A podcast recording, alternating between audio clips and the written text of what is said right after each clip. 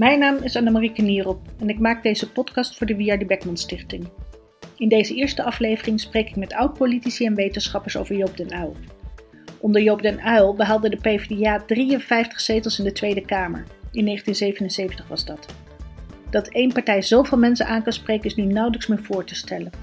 Ik spreek als eerste met Henk Tevelde, hoogleraar Vaderlandse Geschiedenis aan de Universiteit Leiden. Henk, in het artikel dat je over Den Uyl schreef voor S&D vertel je dat hij in het begin helemaal niet populair was. Ehm, hij werd gezien als een bestuurder, als een technocraat. En Den had echt tijd nodig om zijn gezag als politicus te verdienen. En een cruciaal moment daarvoor is de speech die hij hield als premier ten tijde van de oliecrisis in 1973. Kun je vertellen, hoe ging dat? Het kabinet zit er nog niet zo vreselijk lang, een paar maanden eigenlijk. En dan wordt Nederland getroffen door een oliecrisis, of preciezer eigenlijk een olieboycott door Arabische landen die vinden dat Nederland Israël te veel bevoordeelt. Het effect daarvan is dat men gaat verwachten, zometeen hebben we geen olie meer in Nederland en kunnen we ook niet meer met de auto uh, vooruit. Nou, dat is natuurlijk toch wel een ramp. Uh, de minister-president die besluit, uh, dat is dus dan de Uyl op dat moment, er moet voor de televisie en radio gesproken worden. Alle zenders worden daarvoor vrijgemaakt, een kwartier lang. Alle zenders, dat, geloven, zijn, dat zijn er nog maar een paar. Hè. Dus er zijn drie radiozenders en twee televisiezenders, dus zoveel is het ook niet. Maar goed, heel Nederland ligt stil, zit allemaal klaar om naar Den Uyl te luisteren. Die zit daar in zijn, uh, in zijn pak, zoals hij dat bij deftige gelegenheden uh, aantrok, een donker pak. Zit zeer serieus te kijken, grote bril op en kijkt in de camera, leunt een beetje voorover, heeft twee, twee grote microfoons voor zich staan en steekt van wal. En gaat dan uitleggen van hoe uh, ernstig de situatie uh, uh, is voor Nederland. Um, en doet dat dan op een vrij gedragen toon en geeft ook allerlei goede raad om ervoor te zorgen dat we de energie niet noodloos gaan verspillen. Dus vrachtwagenchauffeurs, houdt u aan de 80 kilometer grens. Houd u aan de 100 kilometer maximum op de weg, dat is dan voor iedereen samen. Wees zuinig met elektriciteit. Zet de verwarming wat lager en eerder af. Dat, het werkte op de een of andere manier fantastisch toen, want het, iedereen rende meteen naar de thermostaat om die lager te zetten. De gordijnen werden dicht gedaan. En dan, nou goed, daarna gaat zo wat verder. En eindigt dan met een uh, uitsmijter zegt hij van ja, het gaat allemaal wel wat eh, pijn doen. Hè. We hebben minder energie en, de, en moeten een beetje gaan kou lijden misschien, omdat de verwarming zachter staat. En, zegt hij, eh, zegt de Nelden tenslotte, um, het gaat erom om het samen te vinden in volle bussen, trams en treinen. Hè. Je moet niet meer met de auto immers. Maar als we daartoe bereid zijn, dan wordt het geen koude winter, al vriest het nog zo hard. En, dat, en terwijl hij dat zei, deed hij zijn bril af en keek hij nog eens even in de camera. Nou, dat, dat, dat is iets, uh, een beeld dat heel veel mensen uh, bij is gebleven van die reden. Zou je dit kunnen koppelen niet, uh, als je dit zo hoort, aan um, het huidige klimaatdebat? Ja, dat, dat, ik had dat in eerste instantie eigenlijk niet eens zo zelf bedacht, maar als je er nu even over nadenkt, dit, de tijd waarin dit speelde was de tijd van, het, van de Club van Rome. Die had een rapport gemaakt, Grenzen aan de Groei, waarin ze het beeld neerzetten van als we zo doorgaan met de fossiele brandstof enzovoort, dan is het op een gegeven moment met de wereld afgelopen. Nou, dat is eigenlijk voor het eerst dat die, dat, die, dat, dat klimaat een politiek thema werd. En daar in, in, die context kun je dat verhaal van Den Uyl ook plaatsen. Als je dat nu uh, overzet naar het heden, dan kun je zeggen van het werkte dus op de, die toon die hij uh, aansloeg toen, werkte voor dat moment heel goed. En dan moet je voor iedere tijd een eigen toon vinden. Dus zijn toon van toen is niet zonder meer toepasbaar nee. nu. Maar dat je een, op de een of andere manier een moreel appel doet, is toch nog steeds iets wat heel goed kan werken in de politiek. Je moet dat, eh, daar heel goed over nadenken. Je moet er ook zelf echt in geloven, anders werkt het ook niet.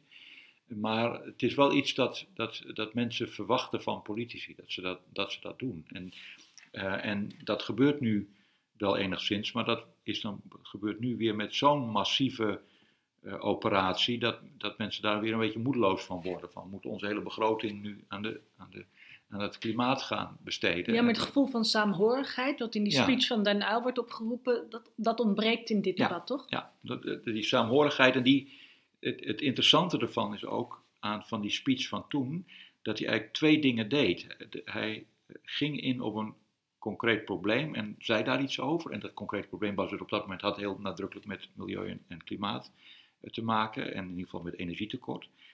Ehm, en maar aan de andere kant gebeurde er ook iets met een uil. Want een uil is eigenlijk door deze speech een andere politicus geworden. Hè. Dat, dat, was niet alleen maar deze ene speech, maar die speech was daar toch erg belangrijk in. Dat hij dat, hij, ehm, dat morele appel deed niet vanuit zijn politieke gelijk met, een, met, met, met, met die gebalde vuist van hem, maar dat hij, uh, dat hij daar een moreel appel deed uh, namens Nederland op de Nederlanders. En dat op een of andere manier kon hij dat doen zonder zijn politieke overtuiging te verloochenen, want hij geloofde ook zelf wel in, in, in een zekere urgentie van die, uh, van die milieuproblematiek.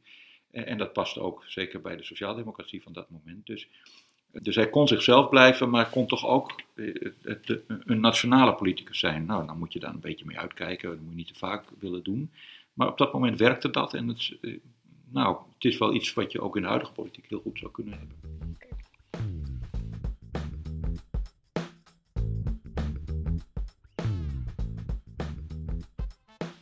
Ik zit hier bij Hedy Dancona. Fijn uh, dat ik hier langs mag komen. Je schrijft in SND van in 1981 uh, werd je staatssecretaris van Emancipatie in het Tweede Kabinet van Acht. En Joop den Uyl was minister van Sociale Zaken en Indales was staatssecretaris van Sociale Zaken. Dus een heel sterk team. Wat wilde je toen bereiken? Het ging mij om veranderingen in de wetgeving. En op mijn bord lag de derde richtlijn uit Europa.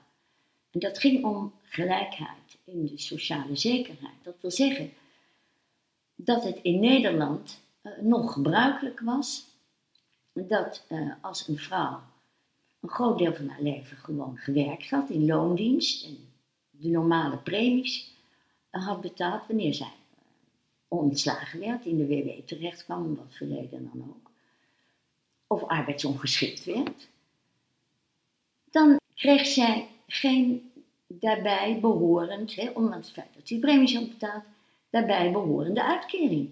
Zolang zij nog een kostwinner in haar huis had. Nou, dat was dus redelijk zijn. Nou, ik wil, ik, ik wil het wel doen, ik wil graag staatssecretaris worden. Ik denk dat ik graag niet eens gebruikte, want ik had geen ambities of zo.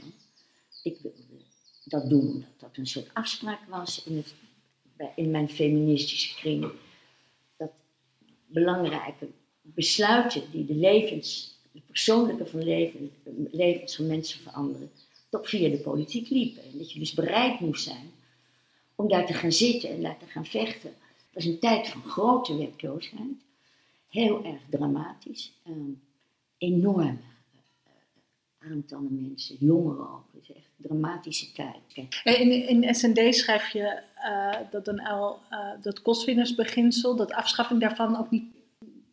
Twee verdienst waren een luxe, zei hij. Ja, dat zag hij zo. Hè? In ja. tijden van grote werkloosheid. Dan begrijp je toch wel waar mijn hart naar uitgaat. Als er in het ene huis twee mensen met twee inkomens leven. En daarnaast twee mensen die je die, die alle twee werkeloos zijn. Nou ja, uh, dan zei ik, ja, dat is niet zo moeilijk om, om ervan uit te gaan weet je, waar je hart naar uitgaat, Joop. Maar uh, om te beginnen, wonen die mensen meestal niet naast elkaar in dezelfde straat? Ik ben sociaal geograaf, dus dat voorbeeld spreekt me niet zo aan. Maar, maar daar gaat het nou niet om. Het gaat om rechtvaardigheid. En hij werd dus hij, hij, hij werd dus in een, in een, in een soort tweespalt gemanipuleerd door de omstandigheden en door mij. Want hij dacht aan, aan gezinnen die in de ellende, de armoede waren gedompeld. Omdat ze, um, de, vrouw sowieso nooit werkte. En de man was, wat hij natuurlijk diep in zijn hart ook, als verworvenheid beschouwde die de kost verdiende, zodat de vrouw thuis kon blijven. Ja, en dan was er een, een, waren er lang zoveel niet als nu hoor. Maar er waren er dus. Waarbij um, twee mensen werkten, bijvoorbeeld omdat die vrouwen waren aangestoken. Dat mocht ook wel sinds 1968 omdat ze zelf gestudeerd hadden, of omdat ze een vervolgopleiding of een tweede kans hadden gegrepen. En Joop was thuis ehm, natuurlijk wel een feminist. Dat was hij wel. Ehm, Want, met want- Lisbeth, zijn vrouw. Ja, en hoe, uitte zich dat dan? Nou, dat uitte zich doordat hij eh, wel met enig geduld de opvattingen van Lisbeth aanhoorde. En die eh, bezocht dus de VN-vrouwenconferenties. de- Eh, ze organiseerde, zij, daar zat hij dan bij, op zondagavonden. Eh waar het eh, nodigde ze allemaal feministische vriendinnen, of feministisch die geen vriendin waren, maar die aan de universiteit zich daarmee bezig hielden, of bij de vakbond, of in de Kamer. En dan eh, ging Joop daar dus bij zitten. Bij hem thuis. Bij hem thuis en daar zat hij dus ook bij. Hè? En Joop laafde zich er wel aan, die vond dat wel mooi. Maar ja, zondagavond bij jezelf thuis, met al die bevlogen dames om je heen, of op zo'n departement, waar je aandacht naar zoveel belangrijke zaken. En waar die je toch al zo op zijn, op En- zijn dak ja. kreeg. Hè? Want eh In moest dan eigenlijk, In Dales met Ja. leuke gauw dikke vriendinnen werd. Want dat was enig mens, heel grappig en bijzonder. Maar die moest dan, die had helemaal geen ervaring om woedende eh, oplopen van de vakbond toe te spreken over de voorgestelde bezuinigingen. En dan moest Joop dat van In overnemen, wat hij ook altijd als een ouderwetse ridder, dat wel natuurlijk, deed. Maar dan kwam hij weer bij mij. En dan begon ik weer te zeuren eh, over de derde richtlijn, over de werkgelegenheid voor vrouwen. Joop had dus wel eh, een interesse in het feminisme. Interesse in de issues die daarbij hoorden. Een soort eh, intellectuele betrokkenheid. Maar zijn gevoel ging niet helemaal mee. En begreep je eh Den Uyl wel in zijn eh, twijfel om, om dat kostwinnersbeginsel Jawel, maar ik begreep hem wel in zijn twijfel, want eh, ik had daar dus kennis mee gemaakt met die fundamentele gedachte dat een kostwinner een verworvenheid was en dat de vrouw niet hoefde te werken. Dat wel. Dat kon ik me, kon me dat wel voorstellen, maar ik nam er toch geen genoeg mee, want ik had in 77 eh, was ik gevraagd voor de beginselprogrammacommissie. En toen had ik gezegd, en zo al gezien dat ik de enige feminist was in dat gezelschap. Dus ik had gezegd, nou daar ga ik niet in, dan moeten er nog minstens drie of vier bij, feministes. En eh, ik weet niet of Joop daar nou directe zeggenschap in had, maar natuurlijk wel indirect, hè, als partijleider. Dus ze kwamen natuurlijk terug en zeiden, hé, die wilde er een paar feministen bij. En dan zei Joop dus ja, hij zei op Dus hij hele steunde je wel. momenten zei hij ja. En toen kwam daar ook een heel het beginselprogramma eh, eh, uit 1977. was een feministisch programma. Eh, dat sprak over een samenleving. Eh, nou, aantal jaar geleden heette dat ineens de participatiesamenleving. Maar dat stond in ons beginselprogrammacommissie. Waar door middel van een algehele reductie van de arbeidstijd voor iedereen, vijf uur per dag was dat toen, ehm, in onze ogen. Maar zowel voor mannen als voor vrouwen, die samen verantwoordelijk waren voor het brood op de plank, maar ook samen verantwoordelijk eh, eh, werden voor de zorg thuis. Waar je natuurlijk tijd voor moest hebben. En dan had je ook nog tijd over om ten behoeve, dat was heel idealistisch, maar dat was toch nog niet zo'n gek idee, ten behoeve van de gemeenschap, van de samenleving, je in te zetten voor taallessen aan migranten, voor de voetbalvereniging van je dochter en je, en je, en je zoon. Het was eigenlijk de tijd best vooruit, op een bepaalde manier. En op een goede manier, want als je de participatiesamenleving niet dropt op de hoofden van al die werkende mensen, is er natuurlijk juist geen tijd meer om je nog te gaan bemoeien met Ja. wat dan ook buiten je eigen kleine gezinskring. Daar heb je geen tijd voor. Maar Joop die, die heeft dat dus goed gevonden. Ehm, die heeft dat beginselprogramma dus geaccepteerd. Het is daarna wel snel in een la verdwenen, want we waren heel radicaal. Maar ehm, ja, toen hij op dat departement zat, toen was dat moeilijk. En toen stelde ik dus voor, en dat deed hij dan wel weer trouw, om Marga Bruin-Hunt, die was ehm, een econoom die feministische economie doseerde aan de Amsterdamse Universiteit.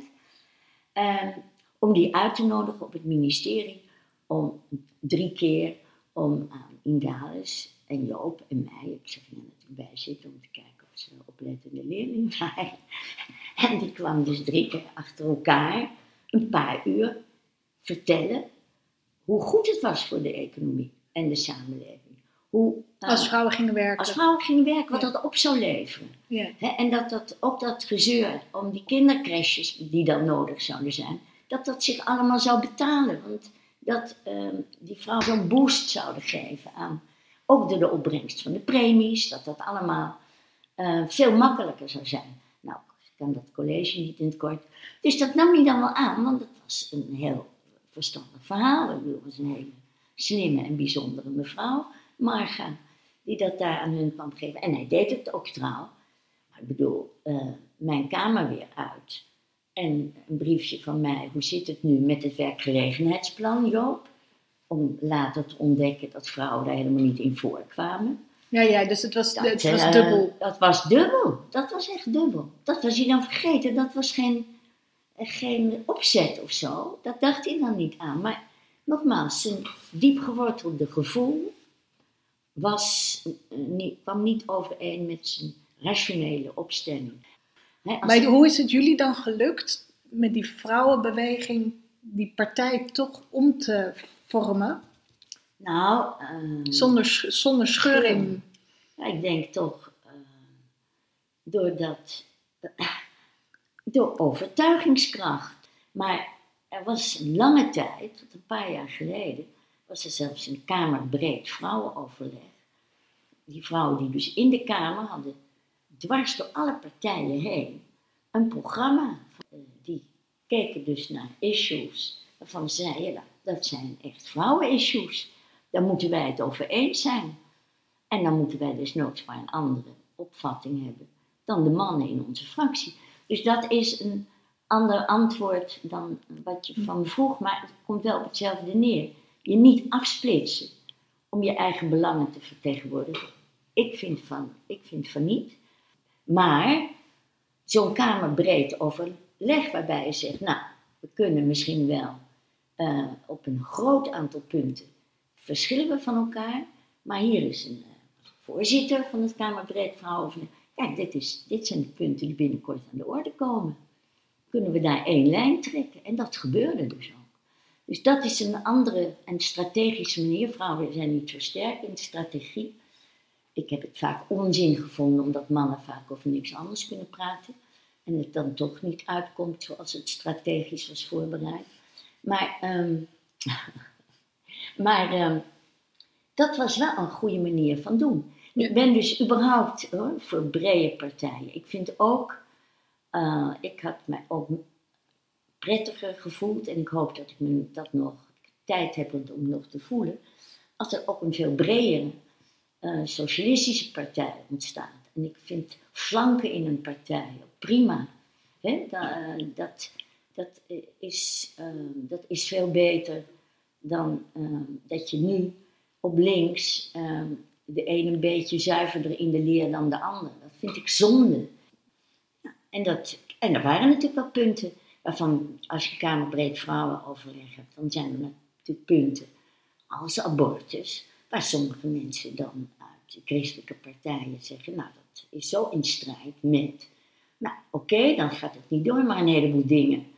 Een heleboel dingen bleken dan ook eh, niet in strijd met eh, wat afgesproken was met God of Jezus. Dus wij, eh, wij hebben daar toch veel profijt van gehad.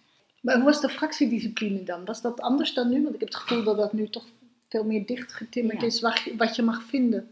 Ja, maar dat komt natuurlijk omdat we nu wel in een hele andere tijd leven. Om te beginnen waren er, volgens mij, want ik ben dus geen strateeg, maar zulke dichtgetimmerde afspraken aan de voorkant van het proces hadden wij niet. Hè, dat, je, dat, dat bestond niet. Dus ik wil maar zeggen dat ehm, Joop natuurlijk dus wel supportive was.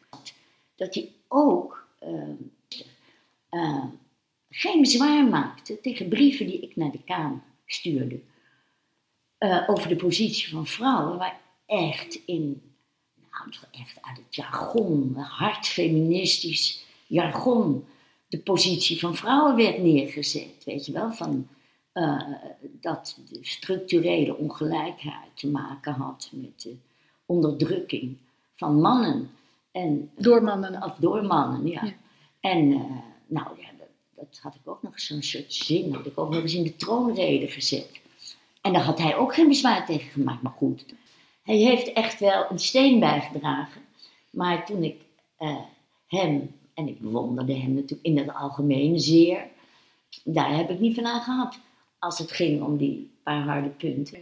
Maar ik ben uh, toch altijd, uh, had een soort begrip voor, zo, zoals hetzelfde begrip wat ik had voor de vrouwen die het nog meegemaakt hadden.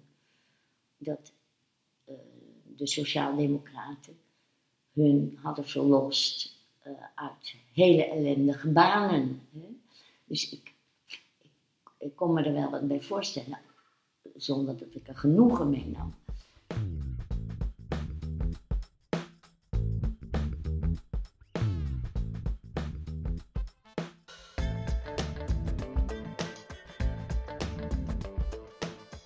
volgende die ik opzoek om te vragen naar de relevantie van Joop de Uyl is Paul de Beer, bijzonder hoogleraar arbeidsverhoudingen. Ik zoek Paul op in zijn kamer bij de UvA, bij het Roeters Eiland. Paul, in het artikel dat je schreef voor SND stel je dat het gedachtegoed van Joop den Uyl nog steeds actueel is. Hoe bedoel je dat? Kun je dat toelichten? Ja, allerlei thema's die uh, Den Uyl in de jaren 60 en 70 aan de orde heeft gesteld, zijn eigenlijk nog steeds actuele thema's. En sommige zijn nog steeds ook populair. Uh, de andere zijn een beetje in vergetelheid geraakt. En ik denk dat die toch nog steeds actueel zijn. En een voorbeeld daarvan is de, de sterke nadruk die de legde op de kwaliteit van het bestaan. Dus dat is natuurlijk waar we nog steeds wel veel in kunnen herkennen. Maar dat betekende bij hem vooral dat de publieke sector moest worden uitgebreid. Hij dacht, mensen worden uiteindelijk niet zo heel veel beter van als ze, dat zei hij ook letterlijk, allemaal een uh, elektrische tandenborstel hebben we worden er meer bij geholpen als we uh, goed, goed, onderwijs, goede gezondheidszorg en dergelijke hebben. En dus pleitte hij voor uitbreiding van de publieke sector, uh, desnoods ten koste van de marktsector. En dat is iets wat je tegenwoordig niet zo vaak behoort, want eigenlijk wordt er al heel lang naar gestreefd om de omvang van de overheid te reduceren, om te bezuinigen op de publieke sector. En dat betekent dat de kwaliteit van de publieke sector en daarmee ook de kwaliteit van het bestaan eigenlijk al heel lang onder druk staat. En dat is helemaal iets anders dan Den had gewild. En denk je dan, is dit, is dit een pleidooi van jou om toch weer de publieke sector voorrang te geven boven de marktsector? Ja, ik denk dat als de uh, sociaaldemocratie zich weer uh, zou willen vernieuwen, dat dat bij uitstek een thema zou zijn waar je weer eigenlijk een eigen profiel moet krijgen. En ik denk dat ook de PvdA er vrij ver meegegaan is om te zeggen, ja, marktwerking is goed, we moeten veel keuzes laten aan mensen zelf, om zelf te bepalen waar ze hun geld aan uitgeven. En als de overheid al dat geld uitgeeft, dan kunnen mensen minder kiezen. Maar ik denk dat dat een verstandige keuze zou zijn. De meest dringende behoeften die we nu hebben op het gebied van gezondheid, van veiligheid, van onderwijs en dergelijke, die kun je niet op basis van individuele consumptie uh, realiseren. Daar heb je een overheid, een publieke sector voor nodig die dat uh, regelt. En Daarom denk ik dat het belangrijker is om de publieke sector uit te breiden, dan dat mensen meer geld in hun portemonnee krijgen om zelf te besteden. Oké, en hoe zie je dat voor je? Want alleen geld is natuurlijk een beetje leeg.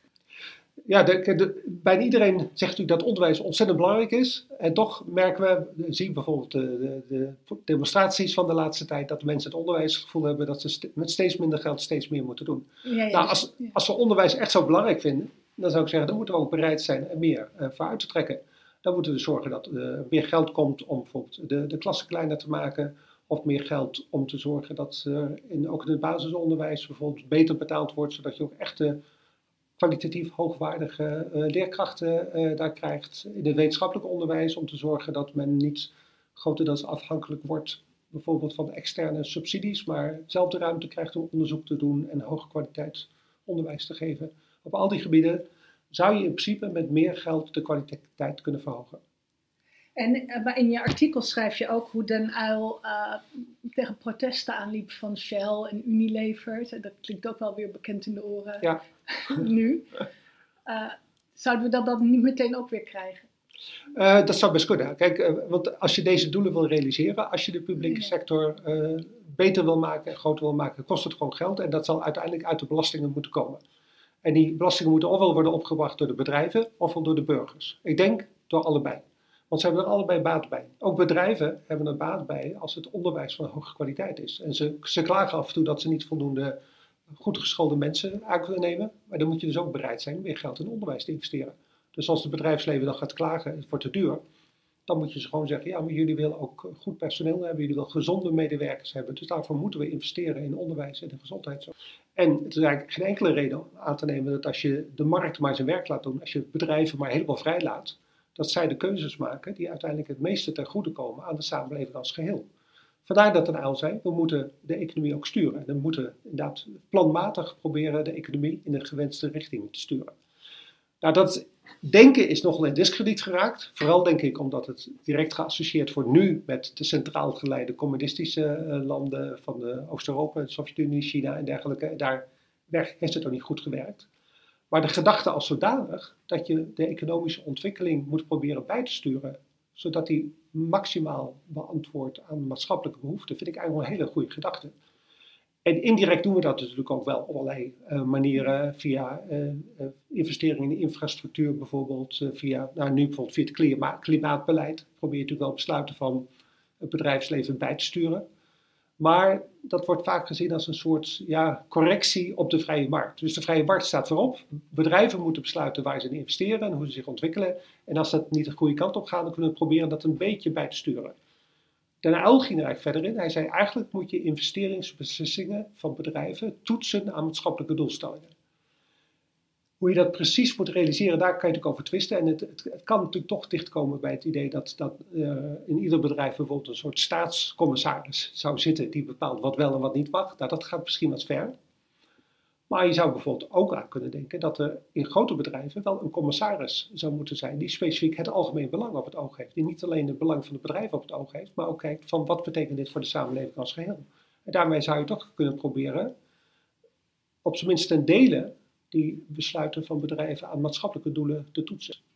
Destijds is dat vooral door het kabinet en de geprobeerd door de ondernemingsraad meer invloed te geven. Uh, eigenlijk constateer ik dat er sinds die tijd op dat gebied weinig ontwikkeling is. En dat de ondernemingsraden wel wat invloed hebben, maar natuurlijk niet echt de koers van een bedrijf kunnen beïnvloeden.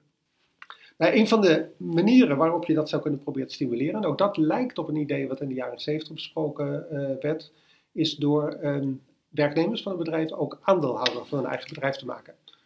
Door bijvoorbeeld een deel van het loon uit te keren in de vorm van aandelen.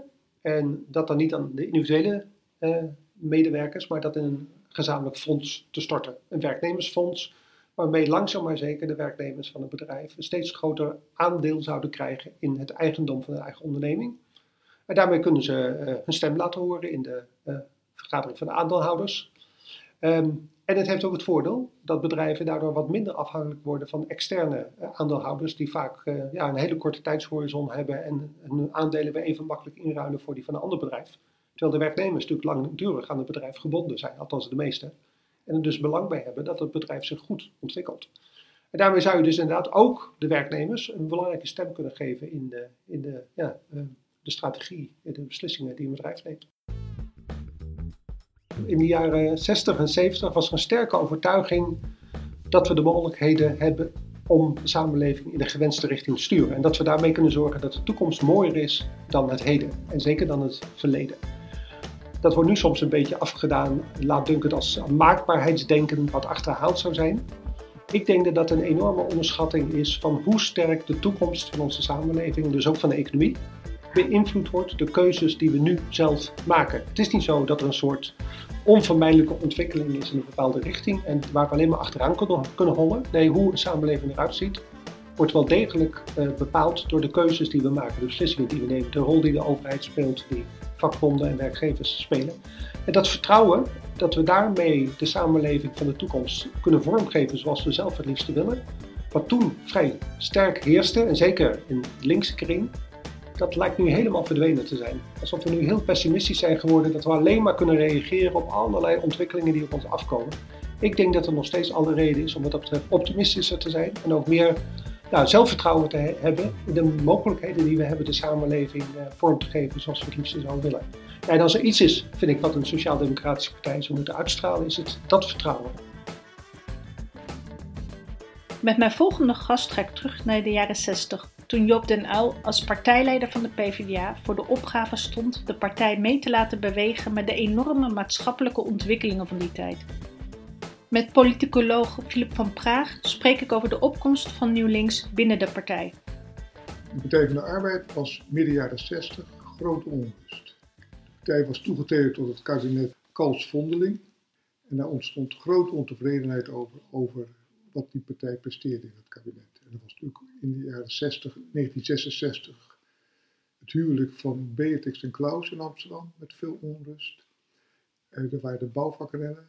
Maar er was ook grote teleurstelling over het beleid. Vondeling, die populair was als oppositieleider, maar als minister van Financiën de indirecte belasting op allerlei essentiële levensmiddelen verhoogde.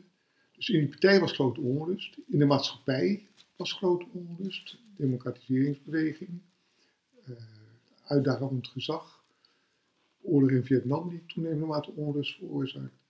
En dan zie je een groep jongeren opstaan, nou jongeren, heel veel dertigers ook, met twintigers en dertigers, die zich verenigen onder de naam Nieuw Links. Was het in 66? In 66, ja, vrij losse beweging, die die partij, die ze verkalkt vinden en verouderd vinden, ouderwets vinden, willen verjongen, dynamiseren en uh, beter willen laten aansluiten bij de maatschappelijke ontwikkeling, de maatschappelijke beweging. Dan publiceren ze het beroemde boekje Tien over Rood, waar ze dus een aantal eisen stellen aan de Partij van de Arbeid. Voorstellen doen om die partij, eh, zowel op het gebied van democratisering, ook op het gebied van buitenlandse politiek, economische politiek, om die partij eh, ja, nieuw leven in te blazen en eh, zich beter eh, te manifesteren in ja, die snel veranderende maatschappij van dat moment. Maar Nieuw Links heeft bijna de PvdA gespleten, toch? Nou ja, er bestond, zeker bij de oudere generatie, veel weerstand tegen Nieuw Links. Drees, de oude Drees, was daar natuurlijk het symbool bij uitstek van.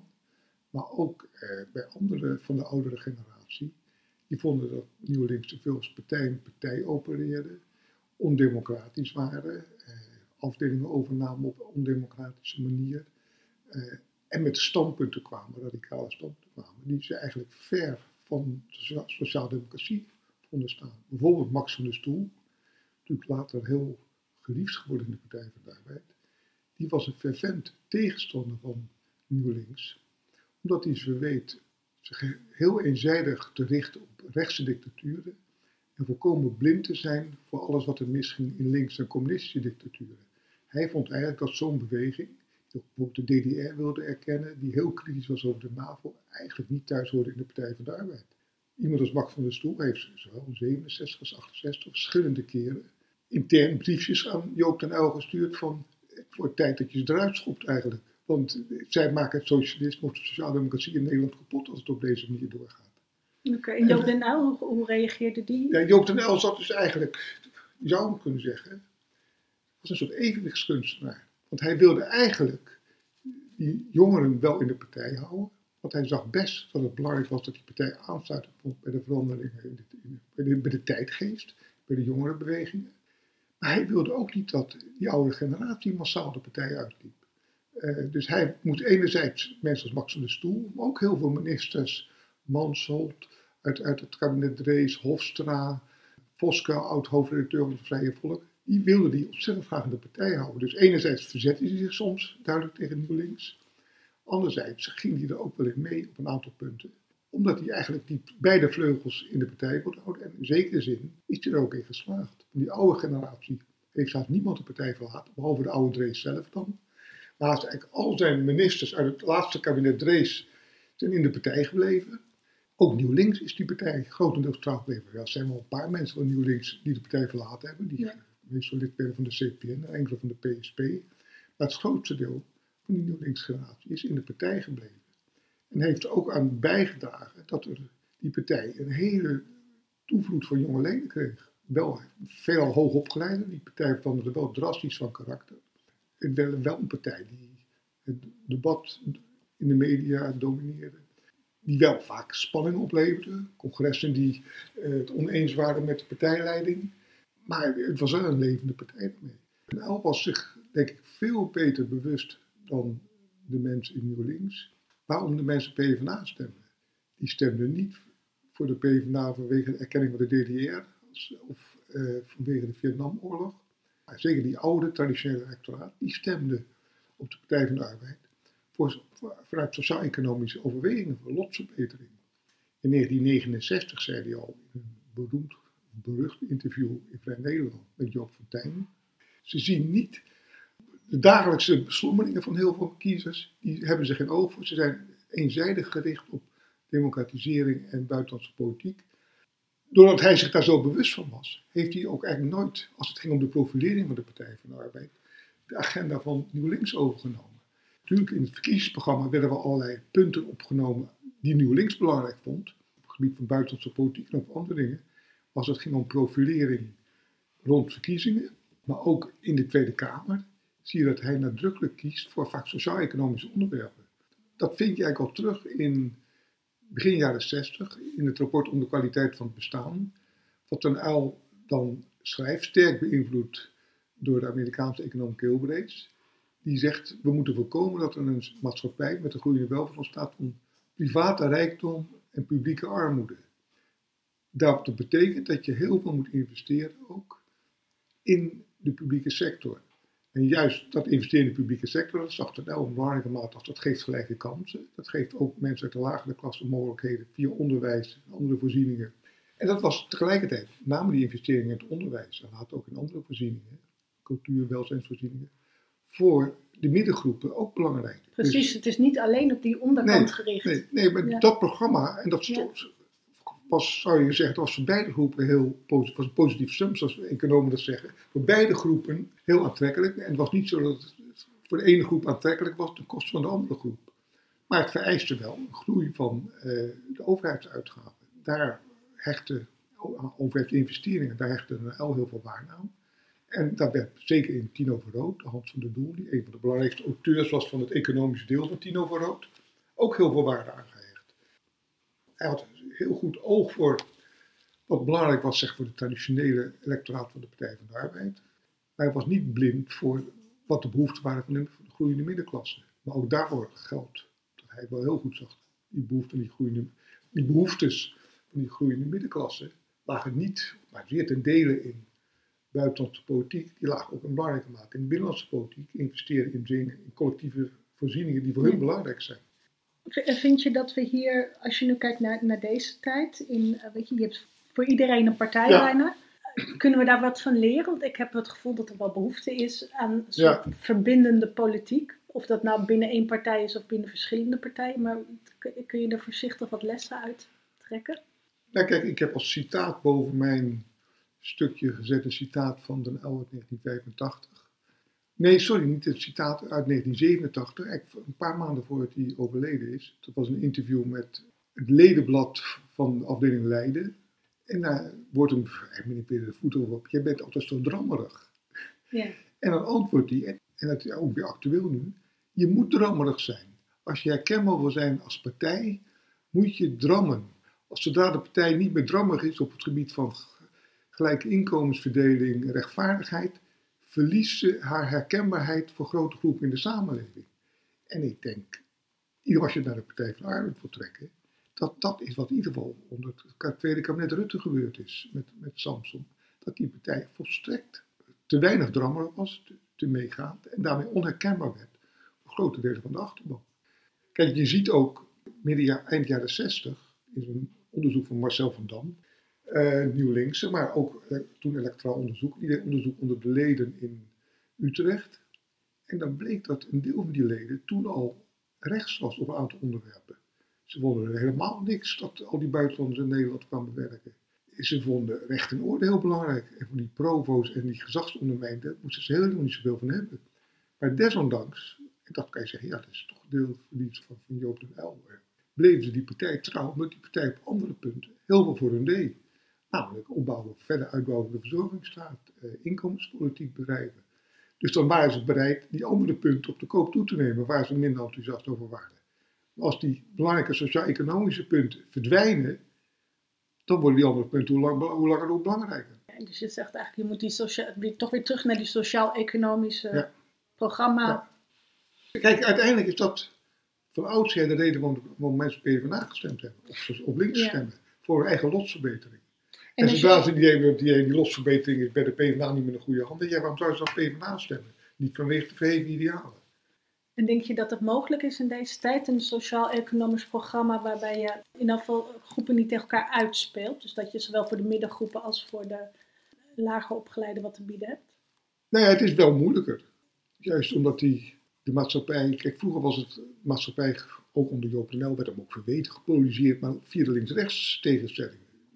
Nu zijn die, is die tegenstelling juist ook gedeeltelijk, nou ja, autochtone, allochtone Nederlanders. Het is schuld van de moslim, eh, moslimradicalisering.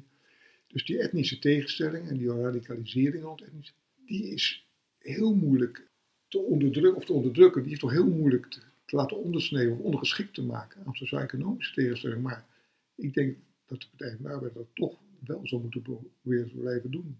Kijk, ze kunnen zich wel gaan, helemaal gaan identificeren met, met allerlei groeperingen die nog van alles en nog wat op immateriële thema's misvinden in de- deze maatschappij.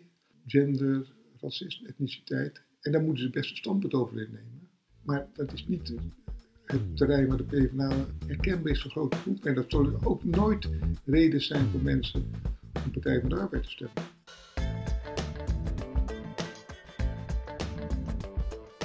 De volgende bij wie ik langs ga is Marijke Lindhorst, oud Eerste Kamerlid van de PvdA en al jarenlang redactielid van SND.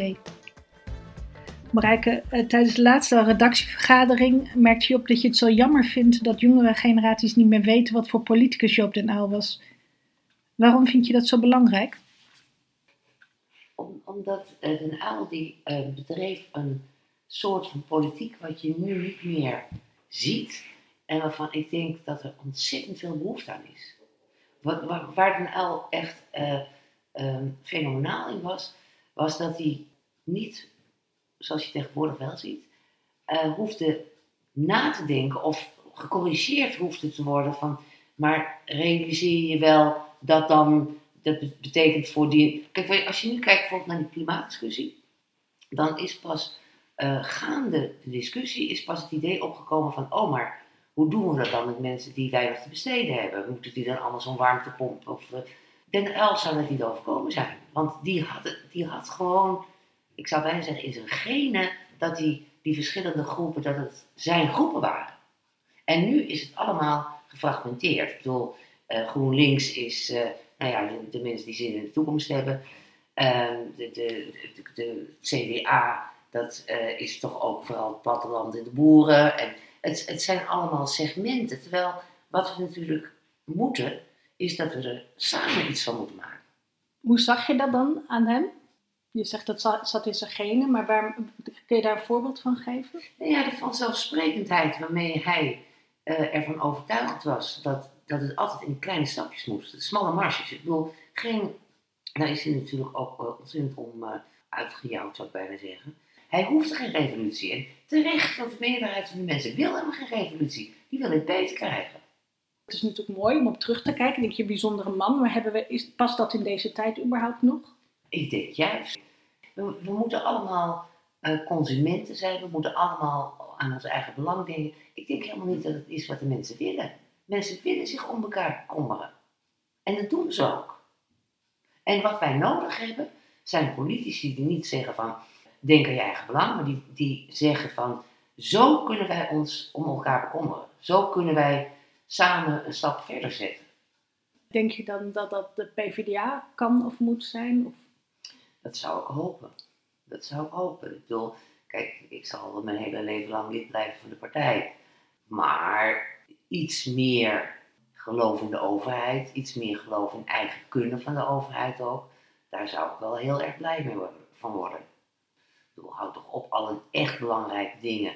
Dan moet je toch echt als overheid eh, de vinger aan de pols houden. Het afgeven op de overheid, dat is gewoon hartstikke verkeerd. Dat is ook verkeerd voor het beeld van mensen. Je, je, geeft mensen het beeld van, stelt allemaal niet zoveel voor. Terwijl wat je moet uitstralen is van, zonder een overheid, zonder wij als, als gemeenschap kunnen het niet. Een samenleving van een markt is een hele kale en, en, en uh, fletse samenleving. De grootste problemen van deze tijd, als het nou gaat om, of nou gaat om toenemende segregatie tussen bevolkingsgroepen, toenemende uh, kloof tussen arm en rijk, toenemende kloof tussen de winsten in het bedrijfsleven en de lonen in het bedrijfsleven, dat komt niet vanzelf goed. Daar moet je toch echt een overheid hebben die zegt, zo gaan we dat doen. Ja, want je zegt in jouw artikel van SND ook, Den Uyl die wist waar hij heen wilde. En eigenlijk kun je die, die groepen die hij wist te verbinden, kan je niet verbinden zonder een plan. Ja, je moet, je moet een idee hebben waar je naartoe wil. En dat kan een beetje kleurloos lijken, maar dat is het helemaal niet. Als je, we hebben geen een wenkend perspectief nodig, maar de gedachte dat je kinderen het beter krijgen dan jezelf, en dat hoeft niet per se materieel te zijn, het kan ook zijn dat ze in een schonere eh, wereld leven, dat ze eh, eh, minder flexcontracten hebben als nu. Ik verbetering in kleine stapjes, dat is, dat is al een wenkend perspectief. En als je dat laat schieten, dan heb je niks meer over. Nee, als je, als je te groot opzet, dan schiet je in je eigen voet. Die hele discussie over, nou noem maar eens immigratie bijvoorbeeld, immigratie en integratie als wij echt zo idealistisch zijn dat we zeggen, we kunnen de hele wereld wel opnemen, dan loop je vast. Je kan veel beter zeggen van, dit gaan we doen voor die groepen en dat gaan we zo aanpakken en dan werkt het. Dus het zijn, het zijn per, waar ik bijna het meest van hou, is zijn geloof in kleine stapjes. In de noodzaak van kleine stapjes, de onvermijdelijkheid van kleine stapjes. Want je jaagt mensen de kast op als je uh, met, met grootse, meeslepende, uh, hou op. Dat gaat, dat, dan denken mensen dat dat gaan wij niet meer meemaken. Maar kan ondertussen wel vuilnis worden opgehaald. Het gaat toch vaak om praktische dingen, om, om of je een beetje zekerheid in het... Ik bedoel, wij hebben wel de goede leuzes uh, als PvdA. Maar het gaat natuurlijk ook om van, hoe geef je dat vorm in het leven van, van de gemiddelde mens? En dat, dat is vaak heel bazaal. Van, Krijg ik straks nog pensioen? Kan ik eh, straks nog in het ziekenhuis terecht? Uh, blijft uh, de ziektekosten betaalbaar? kan mijn kind naar een goede school? Dat soort vragen zijn de vragen waar het om gaat.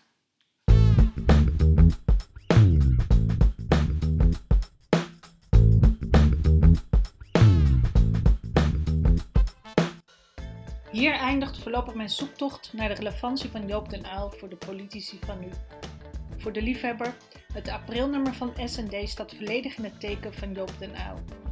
De artikelen zijn terug te vinden op de website van de WBS www.wbs.nl